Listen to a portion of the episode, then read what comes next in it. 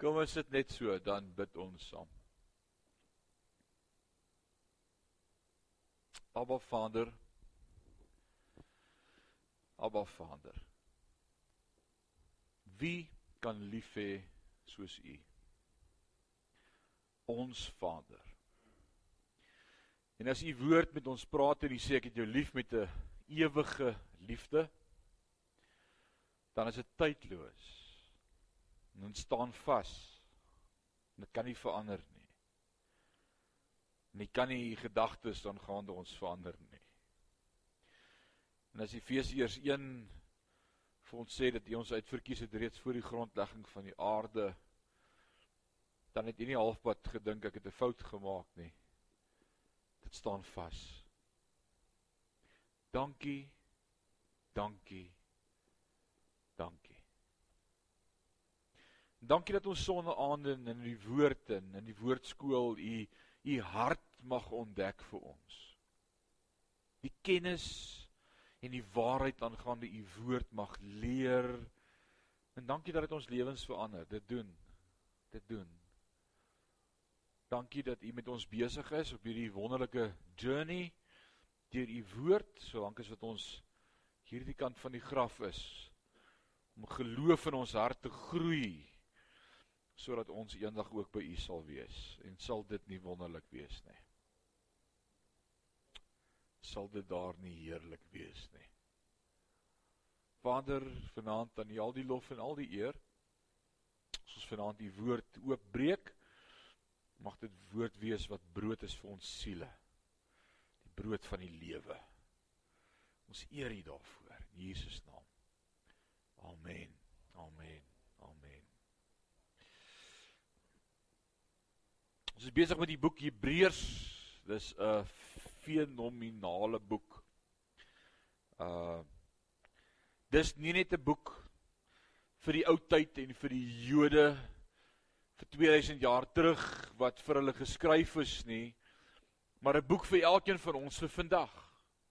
Die tyd waarin ons lewe, waarin ons gekonfronteer word met wette en regulasies en reëls en gebruike en tradisies en en baie keer is dit goeie tradisies maar is nie God tradisies nie.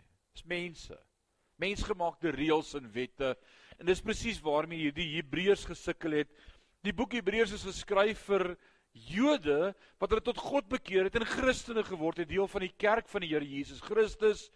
Maar iewers langs die pad het hulle weer die rook by die tempel sien uitkom, die offer geruik, gewonder of hulle nie maar weer 'n ou bokkie moet gaan offer nie, vir eenkeis hierdie verhouding met Christus nie genoeg is nie.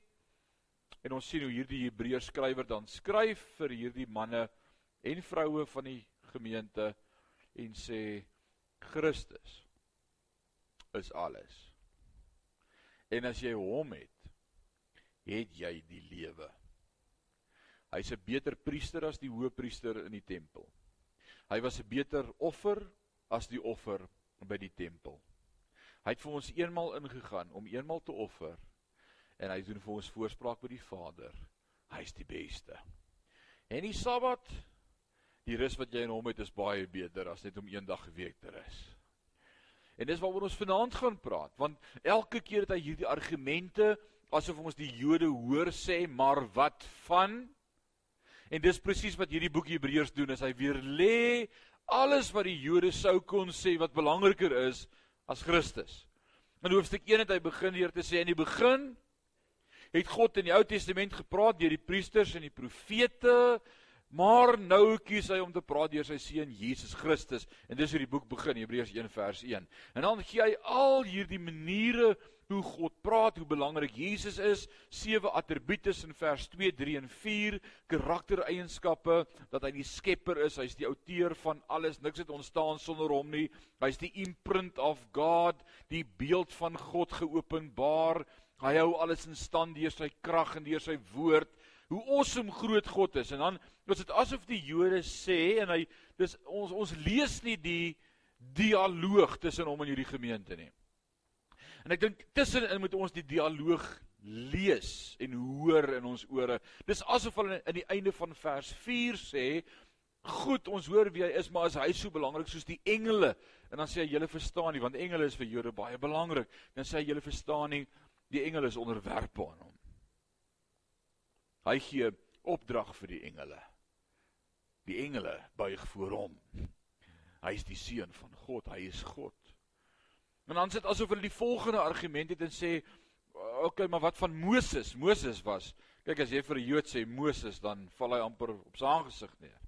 Moses het die wet by God gekry. Moses is die geef van die wet. Moses was die volksleier wat hulle deur die woestyn gelei tot by die beloofde land. Moses. En dan kom laasweek se argumente en dan sien ons ha, het Moses die beloofde land ingegaan?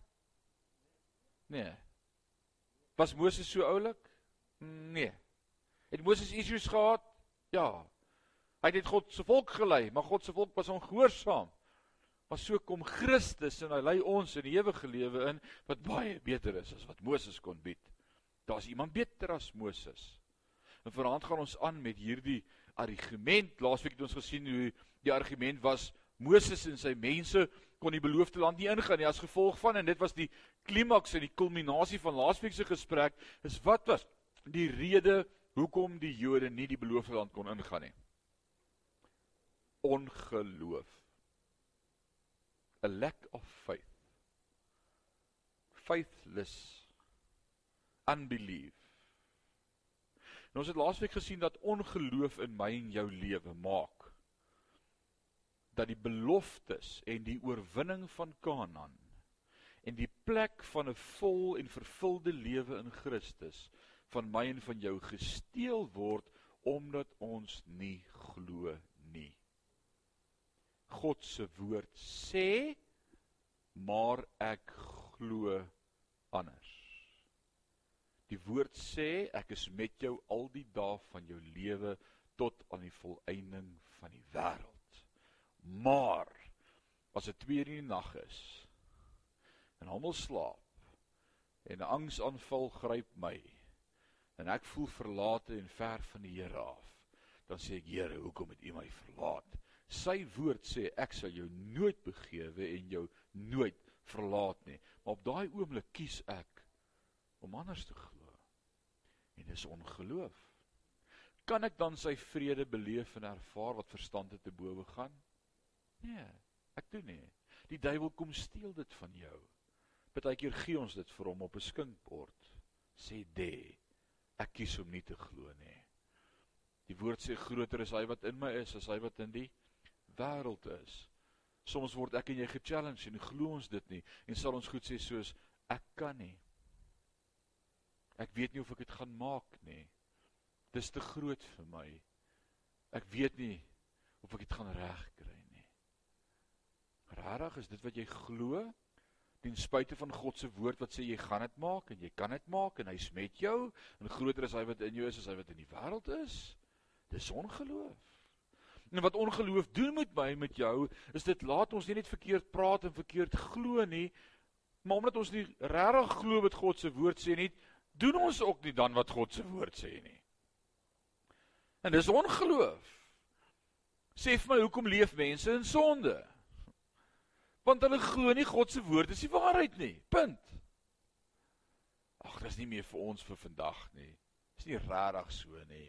Die Here verstaan, tye het verander. Dis nie meer soos in die ou tyd nie.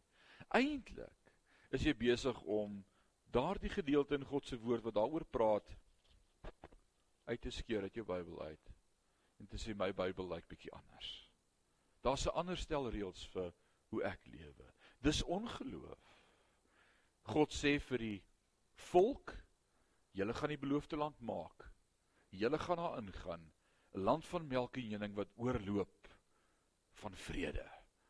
Tien verspieders kom terug met 'n negatiewe report en sê, "Oh no, they like giants and we are like grasshoppers in their sight." Die volk kies om nie God se woord te glo nie en hulle harte word gevul met vrees. Wat gebeur? Here sê vir die volgende 38 jaar sal julle in die woestyn op en af loop tot almal van julle gesterf het want julle het nie geglo nie. En ons het laasweek gepraat oor hoekom het ons nie 'n vervulde lewe nie. As jy dit gemis het, jy moet dit gaan luister op SoundCloud. Kry dit vir jou. it will change your life. Wie kan sê op laasweek amen. Amen. Dit was vir elkeen van ons.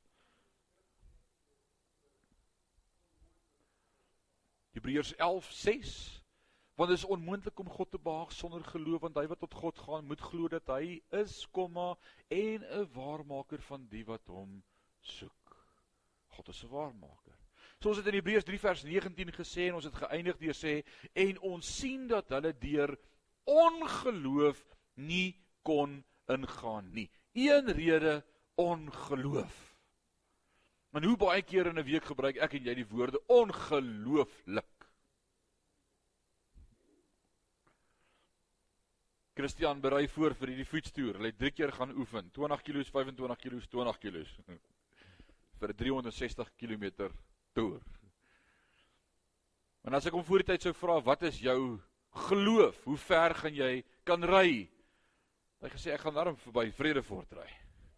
Ek dink 20 kg of dalk 30. Ek gaan probeer vir die beste. Die eerste stopplek waar die groep gestop het was op 65 kg. Daar wees ek reg as ek dit sê, by die padstal toe ek daar stop en ek klim af uit die kar uit en ek hardloop na hom toe om kyk of hy nog lewe want hy is daarom sy ma se oudste kind. En sy gaan my verwyd as hy nie alright is nie. En ek sê vir hom seun is jy okay? Hy sê vir my ek kan dit nie glo nie. Sê kan jy nie maar dieselfde nie. Kan dit nie glo nie. Partykeer sal jy dalk jou man of jou vrou so kyk en 'n smile op jou gesig kry En 'n gedagte sal deur jou hart gaan, kan ek so gelukkige mens wees? Ek kan nie glo ek is so gelukkig nie. Nou hoekom het jy dan getrou? Hoor jy wat ek sê? Hoekom jy getrou? Hey, ongeloof. Soos dis die skokkende vers in die Bybel om te sê deur ongeloof kon hulle ingaan nie die rede hoekom ek en jy nie die beloofde land bereik nie. Dis hoekom ons in die woestyn ronddwaal omdat ons nie die oorwinning behaal nie. In die eerste plek is ongeloof. Ongeloof dat God sal kan voorsien. Net soos die 10 verspieders. Ja, ek weet nie of God ons sal kan help nie. In die tweede plek wil ek sê ongeloof dat God se woord regtig bedoel wat hy sê aangaande my lewe. Aangaande my leefwyse, aangaande sonde. Die woord sê hulle kon nie die beloofde land ingaan nie as gevolg van ongeloof. Ek wil vanaand vir jou sê deel met jou ongeloof. Vanaand gaan ons verder praat oor hierdie tema want die skrywer skryf verder daaroor en ek dink dit is belangrik want hy het besef ek het nog nie genoeg gesê oor ongeloof nie. Ek moet ek moet verder gaan. Ongeloof is is baie diep in my en jou lewe. Dis die default om nie te glo nie. Dit is maklik om nie te glo nie. So deel met jou ongeloof. Dis nie 'n lys van sondes nie. Dis nie 'n lys van dinge wat my en jou uit die hemel uit gaan hou of uit die beloofde land uit nie. Die rede hoekom hulle die beloofde land nie gesien het nie was nie omdat hulle nie genoeg stilte tyd gehou het nie, omdat hulle nie elke dag gebid het nie, omdat hulle losbandig geleef het in die woestyn nie, omdat hulle nie elke dag wou man aan kwartels eet en gemurmureer het nie. God kon met al daai goed deel en dit was oukei okay vir hom. Maar daar's een ding wat vir hom onontvaarbaar was en dis dat hulle hom nie geglo het nie. En ek wil vir jou sê God kan jou van alles in jou lewe red waarmee jy besig hou. Maar ongeloof have faith in God. Ons kerk se naam hier buite sê die apostoliese geloof sending. Ons is 'n gemeente en 'n kerkgroep in Suid-Afrika wat glo dat die woord van God sê wat hy bedoel en bedoel wat hy sê. En as God dit gesê het, staan dit vas. En ons roem hom daarop dat ons God se woord ook so predik asof God dit bedoel het. En dis hoekom ons daaroor kan preek. Wat my terughou en weerhou van God se oorwinning is my ongeloof. Kom ons kyk Hebreërs 4 vers 1 vanaand. Nou dat ons dit verstaan, hoe ongeloof werk en die gevolg van ongeloof, laat ons dan vrees dat jy jy gehoor wat daar staan? Wat staan daar nie laat ons dan vrees maar God se gees het ons nie 'n gees van vreesagtigheid gegee nie maar van liefde krag en Selfbeheersing, vrees kom nie van die Here nie, maar hier kom die Hebreërs skrywer en hy sê daar's iets wat jy moet vrees. Laat ons dan vrees dat terwyl die belofte om in sy rus in te gaan nog stand hou, dit nie miskien sal blyk dat iemand van julle agtergebly het nie.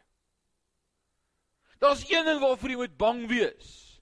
Is dat al is die belofte nog beskikbaar dat dit vir jou verbygaan gaan omdat jy nie wil verander en wil glo nie.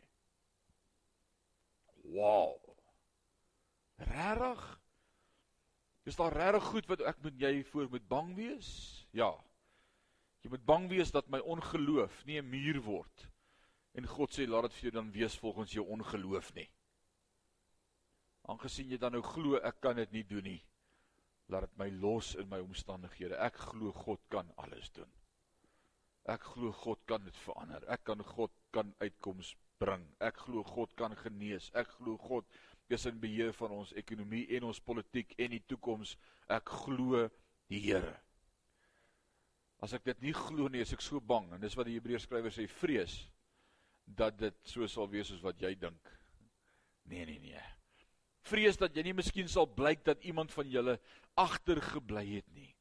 So waarvoor moet ek en jy vrees? Waarvoor moet ons bang wees dat ons sal agterbly om sy rus in te gaan? Want dis waarvan hy praat. Hy sê terwyl die belofte om sy rus in te gaan nog stand hou. So daar's 'n belofte. Wat sê belofte? Kom na my toe almal wat moeg oor laai is ek gee rus. Dis 'n belofte. Dit staan vas. Is dit nog vir ons vir vandag? O, oh, yes, ek glo dit. Maar hy sê vrees dat dit nie vir jou te laat gaan raak om God se rus in te gaan nie. Het jy al met mense gekonnekt of gepraat? Leon, jy sou dalk as jy huisbesoek doen en jy kom by mense wat jare op die pad is en jy kom agter daar's 'n vrees by hulle en daar's 'n onrustigheid en dis asof dit te laat is om rus te vind vir hulle siele. Vreeslik is dit om rus te soek en dis nie meer daar nie. Weet jy waarvan praat ek? Ek het al dit beleef met mense. Hulle soek maar hulle kry nie. Hulle is onrustig. Die Bybel sê oppas. Psalm 78 was ewer uh, Psalm 78 leer ons dat Israel God beperk het deur hulle ongeloof. Hulle het God ingeperk. Hy kon nie hulle die beloofde land invat nie want hulle wou dit nie glo nie. Elke keer as Jesus 'n wonderwerk doen, sê hy laat dit wees volgens jou geloof. Geloof is belangrik.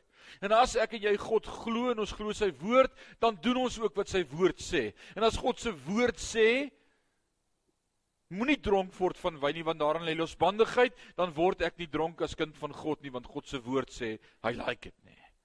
En ek glo wat sy woord vir my sê.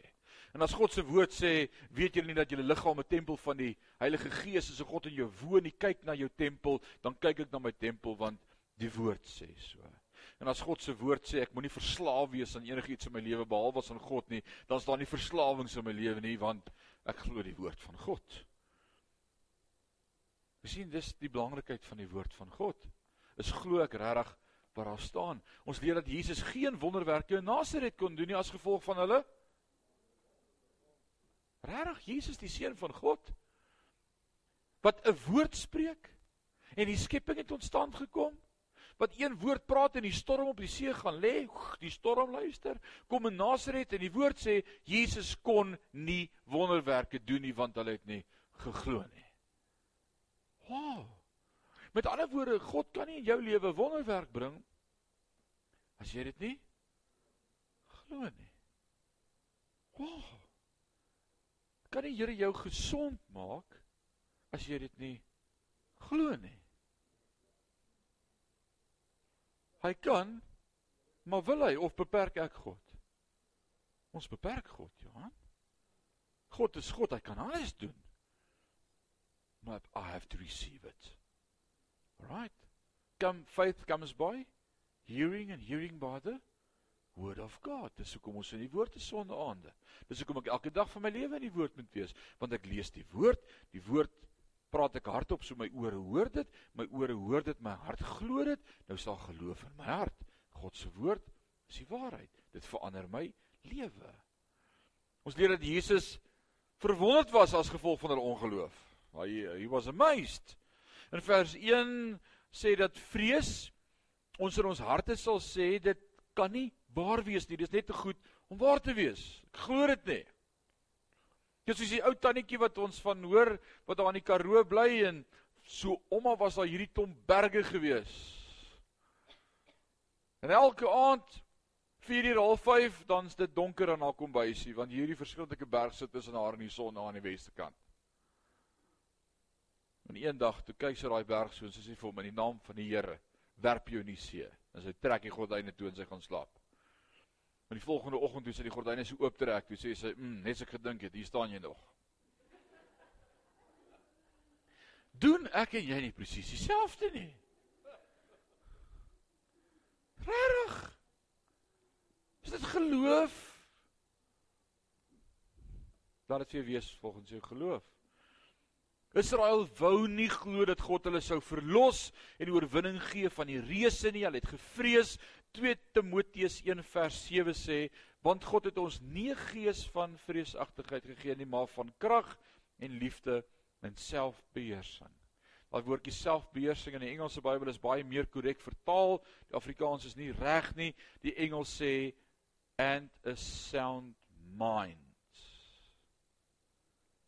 Sometimes in life you go through turmoil and you think you are losing your mind. You're going to go crazy.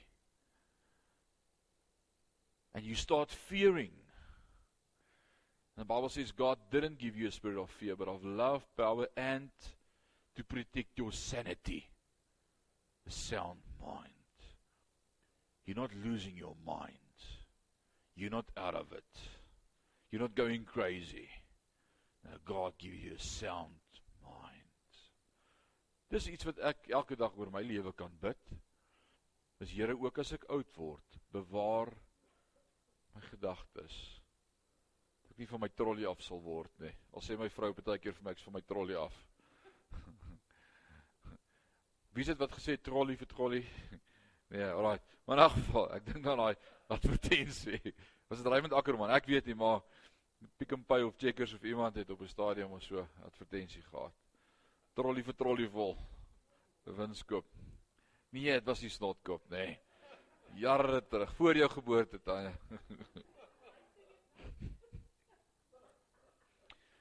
right. God moet ons gedagtes verander, maar ons moet vrees dat ons nie dalk sy rus mis nie en dis waaroor vanaand gaan is Wat is die gevolg van vrees? Jy mis God se rus. En ons gaan vanaand praat oor God se rus.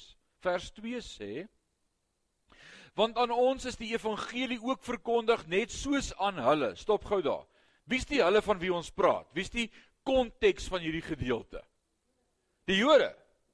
Watter Jode? Watter Jode? Die Jode in die woestyn. Alraai. Met ander woorde die evangelie is aan die Jode in die woestyn verkondig. Wat beteken die woord evangelie? Staan voor op die Engelse Bybel. Good news. That's the gospel. The good news. Hy sê aan die aan aan die Jode in die woestyn is die goeie nuus verkondig. Wat was die goeie nuus wat aan die Jode in die woestyn verkondig is vir 2 jaar?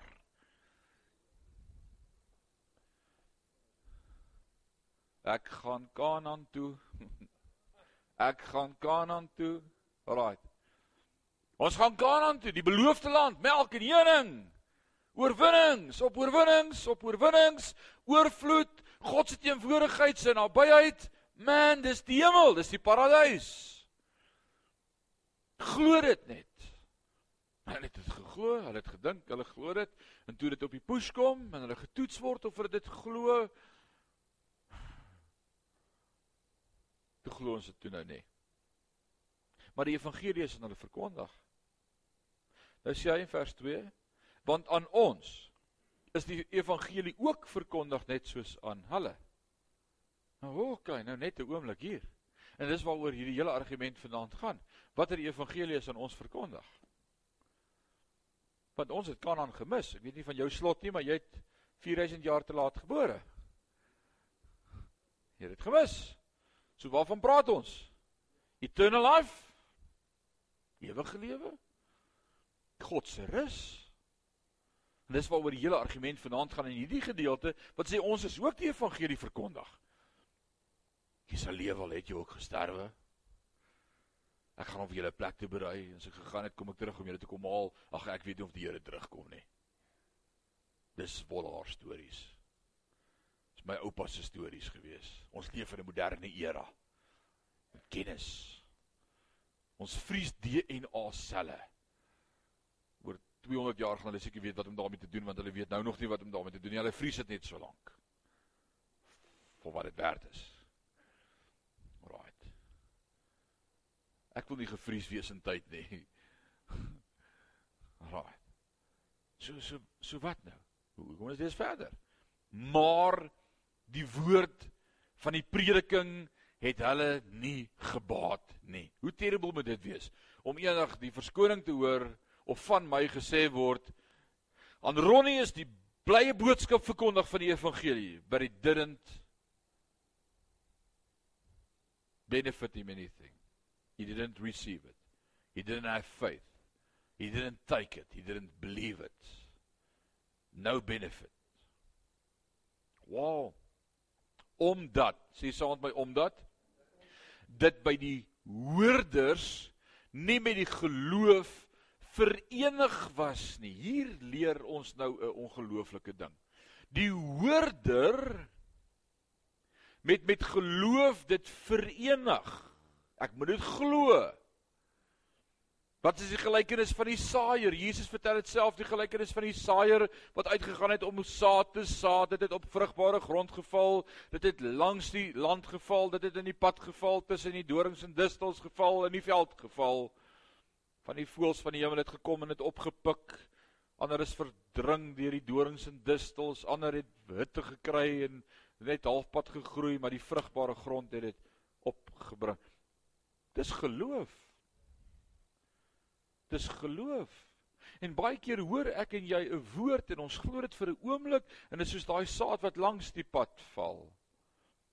Maar daai aan dan dink jy by jouself as jy in die bed lê, Nee, wat hoe meer ek hieroor dink, hoe meer besef ek dit kan nie gebeur nie. Ek weet darm nie wat gebeur.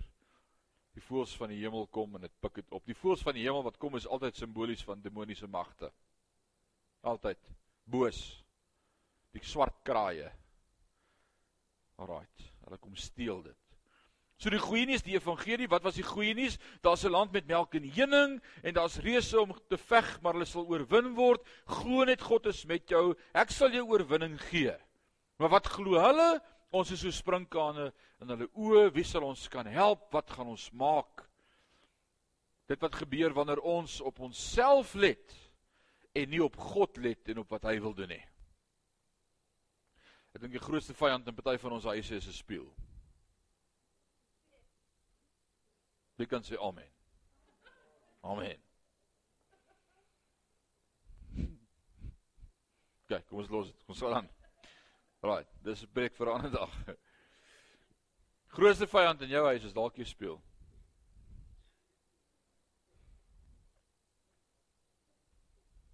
Tanya, wil jy iets sê? Hæ? Aline, wat sê jy? Niks gesê nie. Dit wat gebeur wanneer ons op onsself let. Wanneer ek na myself kyk. Wanneer ek oor myself dink. Dat ek ken myself. Ek weet wat se my gedagtes. Ek weet wat is ek in staat toe wanneer ek dink ek gaan net 40 kg kan trap. Maar greater is he that is in me than he is in the world. But we don't see the lion and the giant in, within us. We just let to the eternal, we just focus on the eternal. And it's deteriorating day by day, the word says. But he who is within me says, I can do all things through Christ that strengthens me. Oh man. I've got his DNA within my veins, his ability. When I lay hands on the sick, he will heal them. Nee, ek weet daarom nie. Jy weet ek is maar 'n sondige mens. Ek kan nie vir mense bid nie. Ek ken my gebreke, my gebrek. Dis ongeloof. Wat is die nommer 1 rede hoekom God nie meer werk in kerke nie? Ongeloof. Hoekom is daar nie meer genesings en wonderwerke in gemeentes nie? Ongeloof. Hoekom is daar nie meer herlewings wat uitbreek in dorpe nie? Ongeloof. We've heard it. We don't believe it. Ons glo dit nie meer nie. So hierdie goeie nuus is ook aan hulle gepraat en gepreek, maar hulle glo nie. Wat keer ons om God se seën op ons lewe te beleef en te ervaar, om nie te glo wat God se woord ons leer nie. God said it. That settles it. Klaar, ons negotiate nie oor die woord van God nie. As God se woord sê dis hoe dit is, dan staan dit vas tot in ewigheid. Dis hoe dit is. Klaar. Maar hoe meng ek God se werk en sy woord en die waarheid met geloof? Hoe kry ek dit reg? Kyk na Petrus. Hy sit in die tronk in Handelinge 12. Hoekom sit hy in die tronk? Want koning Herodes het sy hande geslaan op Jakobus, die broer van Johannes. En hy het hom doodgemaak. En toe hy hom doodgemaak het, een van die disippels, een van die volgelinge van Christus, toe is daar onder die Romeinse uh uh volk is daar 'n uh, wow, kyk wat jy gedoen, jy het een van hierdie Christen pestilensies uitgewis en doodgemaak. Jy's okay. En hy wou meer aansien by die volk nog hê as dit en toe sê hy maar kom ons vang vir Petrus. Kom ons maak hom ook dood. Dan like hulle my nog meer. En daardie aand in die gevangenis wat gebeur? 'n Engel van die Here maak vir Petrus wakker. En hy sê vir hom trek gou aan. Kom. En die tronk se deur gaan oop. En hy sê vir hom jy moet nou loop om by te bly. Stap. En hy lei hom uit die gevangenis uit. Hoekom? Wat het gebeur?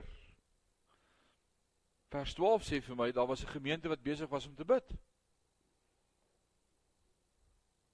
Acts 12:12 12. And they were busy praying in the night. Daar daar was daar was mense wat besig was om te bid. Wie glo in die krag van gebed? Ek hoop almal sê amen. As jy nie daarin glo nie, is dit dis ongeloof. Hoekom? Hoe ek weet nie of dit gaan werk nie. Ek ek moet dit vertel. Ek moet dit vertel. Van ons vriende het iemand wat by hulle werk en dit regtig 'n drankprobleem. In time and again dan sukkel hulle met haar want sy is dronk op die werk. Sy ry na alkohol. Die vakansie toe op vakansie gaan hulle stuur haar huis toe sê hulle van jy beter gaan hulp soek by 'n kliniek of iemand wat hulle vir jou kan help. Want as ons terugkom en jy is weer dronk is daar moeilikheid. en na die vakansie kom sy terug. En die eerste dag terug by die werk word sy gekonfronteer daarmee en dan word vir haar gevra. En die, die die dame sê dit vir my. Sy sê ek vra vir haar, "Het jy toe gegaan dat hulle jou help?" Sy sê, "Ja, sy het gegaan." Sy sê, "Waar het jy gegaan?" Sy sê, "Daar by St Mary's." Sy sê, "Wat het hulle gedoen?" Hulle sê dit vir my gebid. Sy sê, "Nou wat gaan dit help?" sy sê en toe sy dit sê, toe besef sy okay, dis nie wat ek bedoel het nie, maar hoor jy wat in jou hart is? Dis nie hoe maklik dit is, dis nou nie wat jy gedink het nie. Jy het gedink medikasie of berading of Maar die krag van gebed is die sterkste. En iewers het ons dit begin bely, wat wat gaan dit help? Is nie nou tyd vir bid nie, dis nou tyd vir ernstige ouens, daar's niks groter as bid nie. Ek glo in die krag van gebed. Ek dink die krag ons ons onderskat die krag van gebed. Absoluut. Nou bid daardie gemeente in vers 12 in die boefretrek, maar maar dis interessant as jy die verhaal sien wat gebeur het nou daar in die boefretrek want hulle is besig om te bid. Die kettinge val van arme Petrus af, die deure gaan oop en hy volg die engele in vers 9 sê en hy het uitgegaan en hom gevolg. En hy het nie geweet dat wat deur die engel plaasgevind het werklik was en of hy dalk 'n gesig gesien het nie. Ek dink dalk ek droom. Hoeveel keer het goed al met jou gebeur en die Here met jou gepraat en dan wonder jy na die tyd was dit nou regtig of het ek nou gedroom? Het ek nou regtig gehoor die Here sê vir my iets of was dit nou sommer net ek gewees? Jesus ek het al baie mense gehoor hierdie verskoning gebruik. Mense wat na 'n diens as almal weg is, En net die kar weg toe nog hier oor is. Vir my sal kom sê, "Sjoe, iets weird vanmôre het gebeur." Ek dit's asof ek gevoel het ek moet opstaan en dit sê vanmôre, maar dis ek so bang is uit myself wat hoe bly ek eerder stil. Dis ongeloof. Is dit geloof? Dis ongeloof. As ek glo God gaan met my praat en ek hoor 'n stem, dan spring ek op en ek sê ek dink dis die Here wat praat want ek glo dit. Dis wat die Here sê. Dis geloof. OK? So wat gebeur? Hy weet nie of dit so is of dit nie so is nie, dalk droom hy. En toe hy by die eerste en die tweede wag verbygaan, kom hulle by die eysterpoort wat na die stad lei en dit het van self oopgegaan en hulle het buitekant gekom en een straat ver gegaan en dadelik het die engel hom verlaat.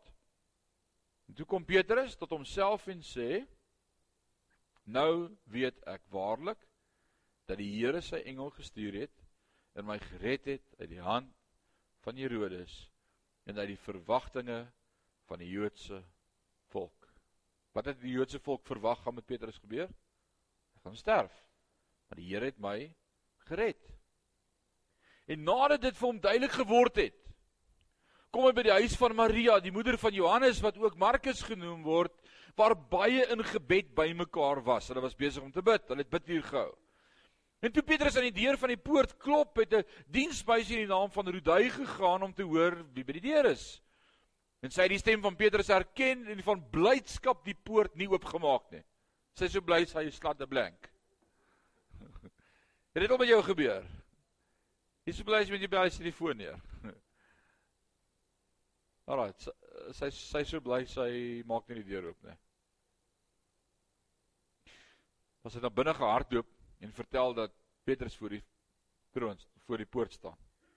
Maar hulle sê vir haar is van jou loetjie getik, is van jou verstand af. Maar sy het volgehou dat dit so is, daarop sê hulle vir haar dis dalk sy engel. Dis dalk sy gees. 'n Heerlikheid. Imagine as jou iemand se gees aan jou verskyn. Rarig. Dis dalk sy gees. En Petrus het aangehou klop. En toe hulle oopmaak, wat staan daar? sien hulle hom en was verbaas. Wat het ons gebed toe al die tyd krag gehad? Kan dit nie glo nie. Dani? Ons het gebid, ons bid hardop, Here help en nie help die Here net soos, oh, Ek kan nie glo dit gehelp nie. Is dit nie ongeloof nie? Dis ongelooflik.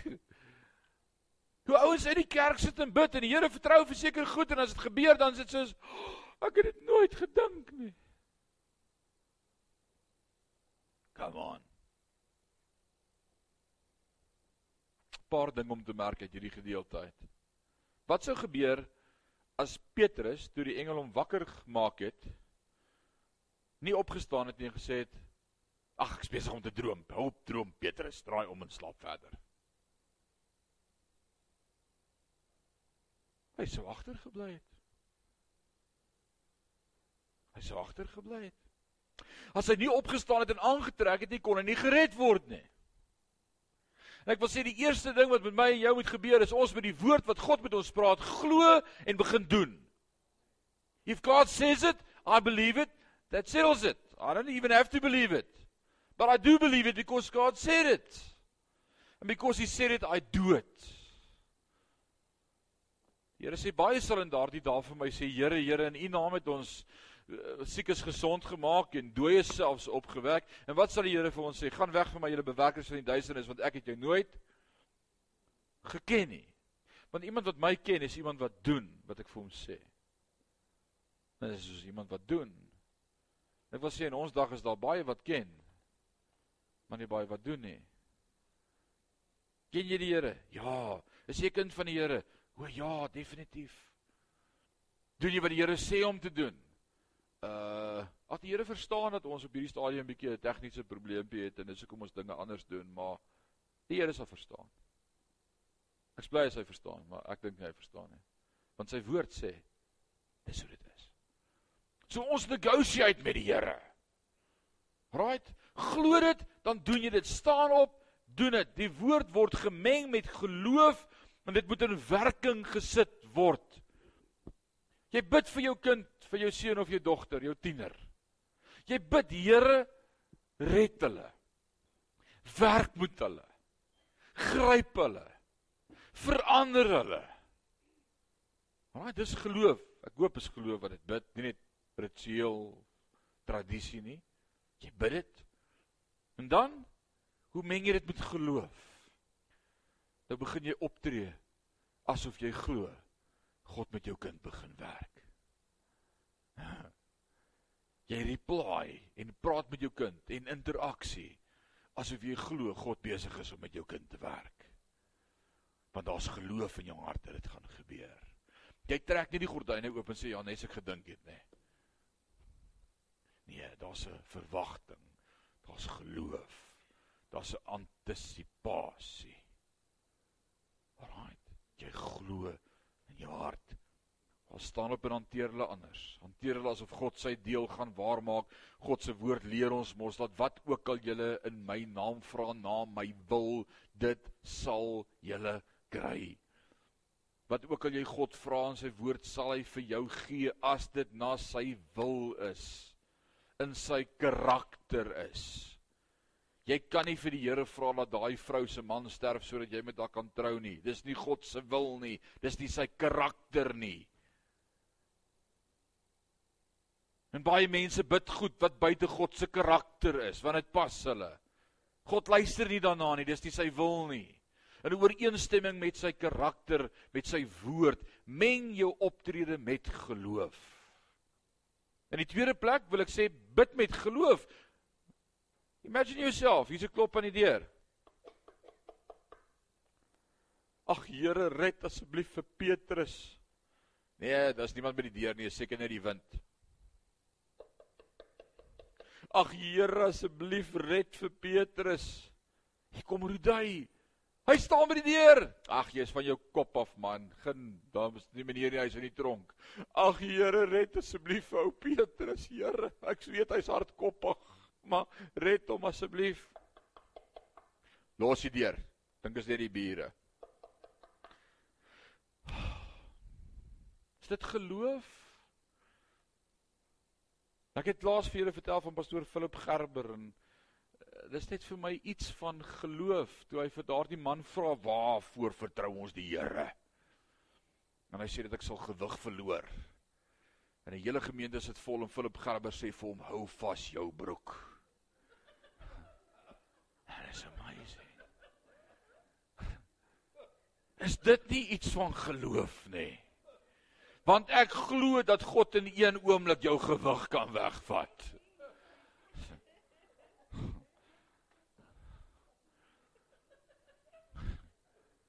dit staan vas opgeteken in die arnale van AGS Klerksdorp Sentraal Gemeente pastoor Philip Gerber 'n man wat geglo het as ons bid gebeur dit glo ons nog dat God werk as ons bid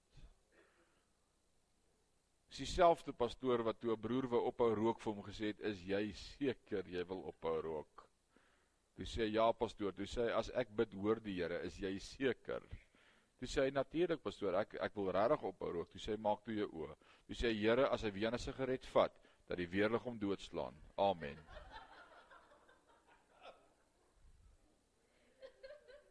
Die broer was te bang om weer te rook. Dit het dalk tyd geword dat ons weer sal begin glo. As ons vir God iets gevra het, gaan dit so wees. God het nie 'n speletjie geword langs die pad en sommer net iets waarmee ons kan God staan vas en hy's 'n waarmaker van sy woord. Dis geloof ouens. En dis juist hierdie volk se probleem, hulle glo nie.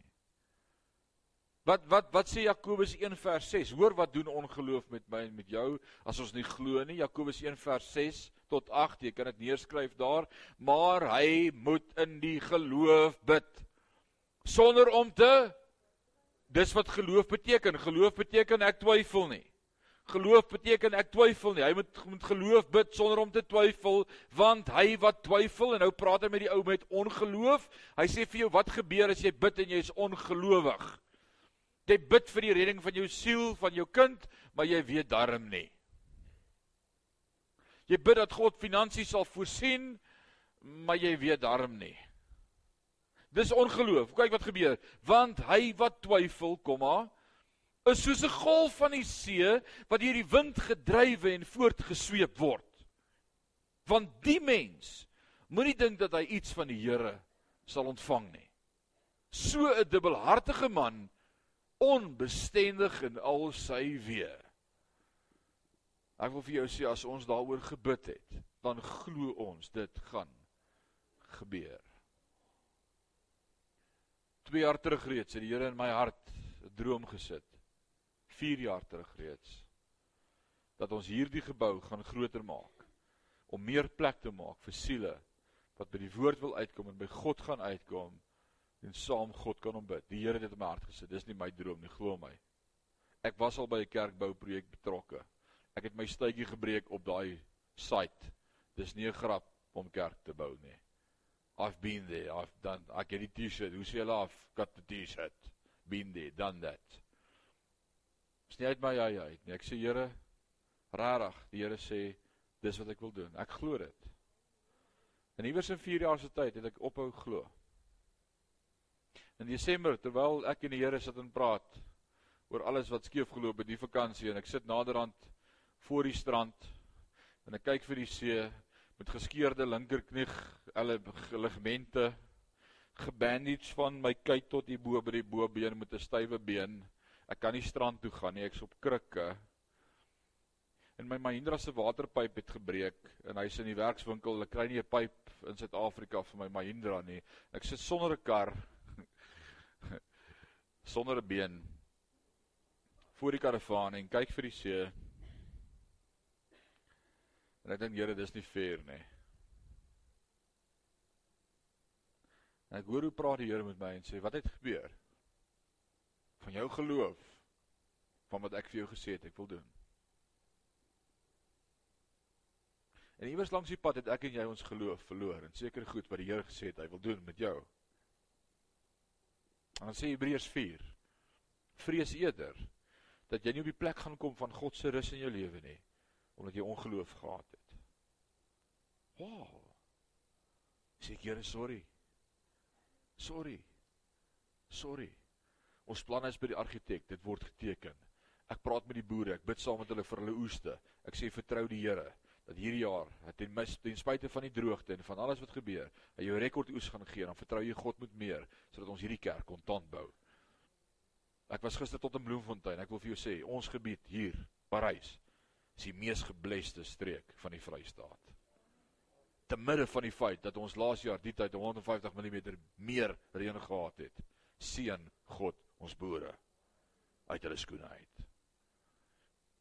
Kry twee weke saam met 'n boer Hy loop oor van die goedheid van die Here. Man, ek het tog nie so ou gesien nie. Hy hy hy op pad. Hy vertel net hoe groot is God en hoe awesome is God. En dit was droog, maar die Here het laat reën. Ons ry deur daardie water voor die modderspad hier by die oop venster. Ek trek die modder so uit my hare uit dan gooi ek dit so terug. Is bang hy dink hy maak my vuil. Venster so halfpad toe gedraai. Ons ry deur die modder. Dis modder, dis modder, dis water. En ons kom by die laaste land en toe ons so draai, toe sê hy vir my, "Sien jy hierdie land?" Ek sê ek sien hierdie land. Hy sê hoe lyk hierdie mielies? Ek sê wow, dis mos mielies. Hy sê ek het hierdie land eerste geplant in die droogte. Toe sê ek vir my vrou, hierdie goed. Ek weet nie. Die Here gaan moet help. Dit was te lank droog. Hy sê ek het gedink hierdie land gaan nie opkom nie. Ek sê en toe, hy sê toe gee ek hierdie land vir die Here. En ek sê Here, ek is nou die voorman. Dis jou en hierdie. Hy sê die mens lyk die mooiste. Ek sê, "Wow." Dis hoe God werk. Dis geloof. Ek plant nie met geloof en dan sê ek, "O, oh, ek weet nie, ek gaan maar so sê nie." O, oh, ek weet nie, ons het nou te lank nie reën gehad nie, hierdie goed het nou droog gekry. Nee, dis ongeloof wat praat. Geloof sê, "Al sou die vee uit die krale verdwyn en die stalle leeg bly staan en die olyfoes misluk en die opbrengs van die lande teleurstel. Nogtans sal ek juig en jubel in my God, my redder. Dis wat geloof doen. Die geloof is nie gebou op as dit of as daai nie. Ons is nou by vers 3. Dis amazing. Ons gaan lekker vinnig vanaand. Vers 3 sê: "Want ons wat geglo het, gaan in die rus in." Hier's die key verse van vanaand. Hier's hy. Onderstreep daai gedeelte tot daar. Want ons wat geglo het, gaan die rus in. Wil jy dit saam met my lees? Want ons wat geglo het, gaan die rus in. It's amazing. En ek wil vir julle sê as daar geloof in jou hart is, gaan jy die rus in. En nou kom die Jood en hy antwoord en sê: "O, ons het die Sabbat. Ja, ons verstaan van rus. Ons rus elke week 'n dag." Dis seker die rus waarvan jy praat, Hebreërs skrywer. Is om elke dag eenmal 'n een dag, eenmal 'n een week 'n dag uit te sit en te sê dis die dag van die Here, die rusdag van die Here waarop hy rus. Maar dis nie waarvan die woord hier praat nie. Want hoor wat sê vers 3 en nou quote ek Psalm 95. Hoor wat sê vers 3. Soos hy gesê het, daarom het ek in my troon gesweer, hulle sal in my rus nie ingaan nie, alhoewel sy werke van sy grondlegging van die wêreld af volbring is. Want hy het erns van die sewende dag so gespreek. En God het op die sewende dag van al sy werke gerus en nou hier weer. Hulle sal in my rus nie ingaan nie terwyl dit dan so is dat sommige daar ingaan en diegene aan wie die evangelie eers verkondig is deur ongehoorsaamheid nie ingegaan het nie. En nou bring hy 'n bietjie konteks en hy sê ek praat glad nie van die Sabbatdag nie. Ek praat nie van die sewende dag nie. Hy sê want die wat nie geglo het nie, het dit nie ingegaan nie. Het die Jode in die woestyn elke week die Sabbat gehou? Ja, hulle het hulle het gerus. Elke sewende dag het hulle gerus. Maar hierdie is iets wat jy ingaan. sien jy wat dit staan? Hulle sê en weens die ongehoorsaamheid nie ingegaan het nie. Dis 'n plek waar jy ingaan, waar jy arriveer there, you go there. You move there. So is dit die Sabbat waarvan die Hebreërs skrywer praat? Sê jy sal nie die Sabbat hê nie omdat jy ongehoorsaam is nie. Nee, dis nie wat daar staan nie. So nou sê die Jode dalk sê, "Ah, hy praat nie van die Sabbatdag nie. Hier praat hy van die beloofde land. Dis 'n plek. Die beloofde land." Dis dit waarvan die woord hier praat. En dan kan ons dalk die argument hê, sien dis omdat hulle nie geglo het nie, want dis wat hoofstuk 3 vers 19 vir ons gesê het, omdat hulle nie geloof het nie, kon hulle nie ingaan nie. So okay, dis dalk die beloofde land. So as dit nie die Sabbat is nie, is dit dalk 'n plek van rus. Dit kan die beloofde land wees, dan sê ek regtig, kom ons lees verder vers 7, bepaal hy weer 'n sekere dag, naamlik vandag as hy soveel later deur Dawid spreek soos gesê is vandag as julle sy stem hoor verhard nie julle harte nie. Want as Joshua nou hang net vas as ek sê Joshua. Joshua? OK. Joshua wat is die Hebreëse woord vir Joshua? Yeshua is ook die Griekse naam Jesus. Alraai Joshua Yeshua Jesus is dieselfde naam verlosser. So wat sê hy hier? Want as Joshua of Josia aan hulle rus gegee het, sou hy nie van 'n ander dag daarna gepraat het nie. Daar bly dus 'n Sabbatsrus oor vir die volk van God. So dis nie die Sabbatdag nie, ook nie 'n beloofde land nie. So wat is dan die Sabbatsrus? Wat is dan die plek van rus wat ek en jy kan ingaan en dit gebeur net as ons geloof het? Waarvan praat die woord? Vers 10.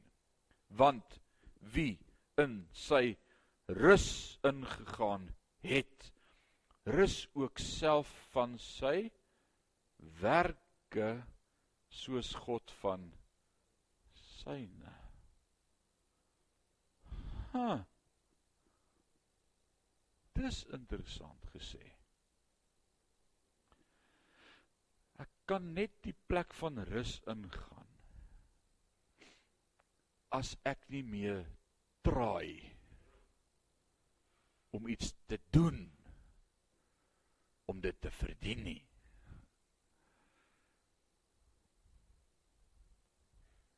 Ek dink nie julle vang dit almal nie. Die plek van rus waarvan die Hebreërs skrywer hierdie volk vertel. Dis nie die Sabbat nie. Dit is nie die beloofde land nie. Maar dis 'n plek in jou verhouding met God waar jy net kan wees. En jy niks hoef te doen om dit te verdien nie. Ek kan net rus. En ek beleef dit nie omdat ek vanmôre 3 uur opgestaan het om 2 ure te bid nie. Of omdat ek hierdie week 7 ure Bybel gelees het nie. Of dat ek hierdie maand dubbel my tiende betaal het nie of omdat ek so hard probeer het om nie meer te rook nie. Ek beleef dit want ek glo dat Jesus aan die kruis vir my die volle prys betaal het. Ek glo dit net. En as ek gaan sit Oh, Here. Ek is so gebless. Ek is so Ek glo net wat u woord vir my sê. Eet my lief. Ek is u oogappel. Eet vir my ewige tuiste gaan berei. Eet my gekies. Ek behoort aan u. Ek hoef niks te doen om u te impress. Nee. Ek het nie werke wat ek moet perform nie. Ek sien by die tempel waar ek die rook moet swaai 7 maal links en 8 keer regs en die kersies elke dag so laat aansteek en die wierook reg meng nie. O, oh, Jesus het vir my eenmal ingegaan en hy doen vir my voorspraak by die Vader. Oh, dankie. Vrede van God wat verstand te bowe gaan. 'n Plek van rus.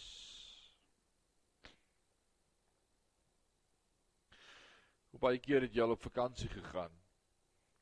Gesê hierdie vakansie gaan ek net rus. Ek los tot my Bybel by die huis. Hierdie vakansie rus ons. En jy het net moeg teruggekom en die jaar moeg begin. En 2 of 3 weke was net nie genoeg vir jou nie. Dis nie 'n Sabbatdag nie. Dis nie 'n rustydperk nie. Dis nie die rus waarna jy soek nie. Jy dink dis die rus wat jy soek. As jy met mense praat en vrou gaan en dan sê, "Ag, oh, skorte vakansie." Kom aan, wees eerlik met my.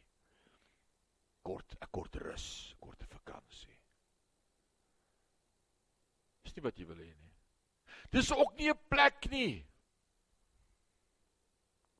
Dis nie 'n huisie by die see nie. Dis nie 'n houtkabin in die berg nie. Dis nie 'n plot in die Karoo nie. Dis nie 'n boot op die see nie. Geen nie vir jou rus nie. En mense jaag na dit. En ek wil nie vanaand name noem nie en ek wil nie vra kan jy sê amen nie want dan gaan almal amen sê want ons het almal 'n plek hier by die see of 'n of 'n huisie of 'n bootjie of 'n kanoe. Ek het al gesê as ek net 'n plek hier by die rivier kan kry met 'n hout huisie waar ek kan gaan rus. Vanmiddag toe ek voorberei dis die Here vir my dis nie die hout plek hier by die rivier. Wat rus bring nie. Want dis nie waar jy rus kry nie. Jy kan jou hout plekkie by die rivier hê net moeg terugkom. Dis nie om in die oggend om 5 uur op die water op jou kanoe te gaan ry wat rus bring nie. Andrei, as ek reg as ek dit sê. Se gejaag na wind. Maar plek van rus is wanneer ek sommer net met my Bybel by die agterplaas onder die groot boom op die bankie kan gaan sit. Sê Here, dankie dat U met my is. Dankie dat U my nooit los nie. Dankie dat u woord sê in Filippense 1 vers 6, u te werk in my begin en u sal dit klaarmaak. O, oh, dis 'n plek van rus. Dis die plek van rus. Ek het nie meer werke nodig om te perform om u te impress nie. Dis nie wat ek doen wat vir my plek in die hemel bewerk nie. Niemand kan vir my 'n deur oop of toesluit nie. Dis 'n plek in jou verhouding met God waar jy net bewus is van hom.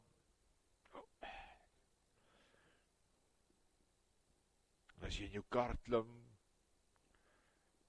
dit was my voorreg hierdie 2 dae om as backup kar, as support kar net hier by Vredefort al na die eerste 2 ure, nee, dit het nie so lank gevat nie. Maar na die eerste halfuur toe ons in Vredefort kom en my vrou bel en vra en, dis ek vir dis die boringste job hierdie om agter 'n klomp fietsse aan te ry. En toe klaar gepraat en ek ry so toe sê die Here nou wat is die probleem? Ek is hier en jy is hier. Gaan ons nie met mekaar praat nie? OK. En ek begin net rondkyk en ek begin net God dank en ek begin hom net loof. Dit was nie 2 minute nie. Toe loop die trane. En ek is so bewus van die teenwoordigheid van die Here. Dis 'n plek van rus. En hy het die hele 2 dae met my gepraat. It's amazing. Plek van rus. Net 'n plek van wees. Hy staan. En jy hoef niks te doen om hom te impress nie. Jy syne. Ek hoop jy daai plek van rus in jou lewe, want dis waarna ons soek. Dis wat ek en jy nodig het. Die wonderlike deel daarvan, dis beskikbaar vir elkeen van ons. 'n Plek van rus. En dalk sit jy vanaand hier en jy sê ek het nie rus in my lewe nie. Kan 'n mens nie ook net rus vir sy siel kry nie? Wie het dit gesê die week? Dalk het jy gedink die week kan 'n mens net rus vir sy siel kry nie. O, jy kan. Jy kan dit net by die voete van Jesus. Om tyd te spandeer met hom en net sommer net te sit en te chat. Partykeer chat ons nie. Partykeer sit ons net. Partykeer is dit net van ek is bewus van die teenwoordigheid en die nabyheid. As jy dit nie het nie, weet jy nie wat jy mis nie. Wanneer laas jy sommer net by hom stil geword. Stil gebly. En was jy bewus van sy nabyheid en sy grootheid? Jy dit nie het nie, mis jy baie. Dalk is vanaand vir jou, dalk is vanaand daardie geleentheid wat die Here net wil sê kom na my toe, kom sit net 'n slag by my, kom klim op my skoot en en bly stil. Ek kyk vanmôre vroeg toe ek in my studeerkamer sit en die deur is toe en die huis slaap nog en is donker. Soek ek iets in my Dropbox en en ek kom op ou foto's af van 6 jaar terug, 7 jaar terug toe my jongste enetjie maar 2 was. En is wow, ek het vergeet hy't so gelyk en en ek sien vir Christian waar hy nog 'n klein kannetjie is, thumbs up op die foto saam met sy neefies en en hy sê so, "Wow, dit dis soos gister. Here, ek raak oud." En en ek kyk na daai fotos en en ek dink aan hoe baie keer ek met daardie twee laities sommer net so in my arms geloop het en hulle net vasgehou het. Hulle gesus het. Christian, jy jy het hom nie neergelê en uitgeslaap nie. Jy moes hom sus. Jy moes hom vashou. Vandag moet jy nie aan hom raak nie. Dis nie cool nie. Want jy het vir hom gesus. Wie wie wie sulke kinders gehad? Daar was nog 'n koliek baba ook. Dit was 'n goeie verskoning. Dan het ek hom gesus, man, ek het hom geswaai, willer hoe beter en Eh, dit was net awesome. Dit's 'n plek waar God wil hê jy moet kom. Dat hy weer slag kan vashou in jou net sis. En as groot mense is dit vir ons moeilik om te verstaan dat ons in God se oë altyd sy kind sal bly. Ons kop is in die pad. Ons gaan net vir 'n oomblik, net vir 'n oomblik. Gaan nie tyd vat nie. Maar ek wil hierdie woord vasmaak vanaand. Ons is by vers 10, whatever. Ons gaan volgende week aan. Maar ek wil vanaand vasmaak in jou lewe 'n plek van rus. En dalk moet jy vanaand 'n paar goed vir die Here sê. Dalk moet jy dan sê, Here, sorry dat ek gedink het 'n dag is die rus. 'n Dag is nie die rus nie. Dis nie 'n vakansie nie. Dis nie 'n week nie, dis nie 'n cruise nie. Dis nie een keer 'n week die deur toesluit en jou foon afsit nie. Dit gaan nie vir jou rus bring in jou lewe nie. Vergeet dit. Dis nie 'n plekkie. Dis nie die beloofde land nie. Dis nie 'n huisie nie, dis nie 'n strandhuis of 'n boot of 'n kar of 'n dis dis nie 'n ding nie. Dis 'n plek in jou verhouding met God. Dalk wil jy vanaand vir die Here net sommer sê hier is ek. Ek ek besef ek jaag al hierdie ander goed en ek het nog steeds nie rus nie. Kom na my toe, almal wat moeg en oorlaai is, ek gee rus.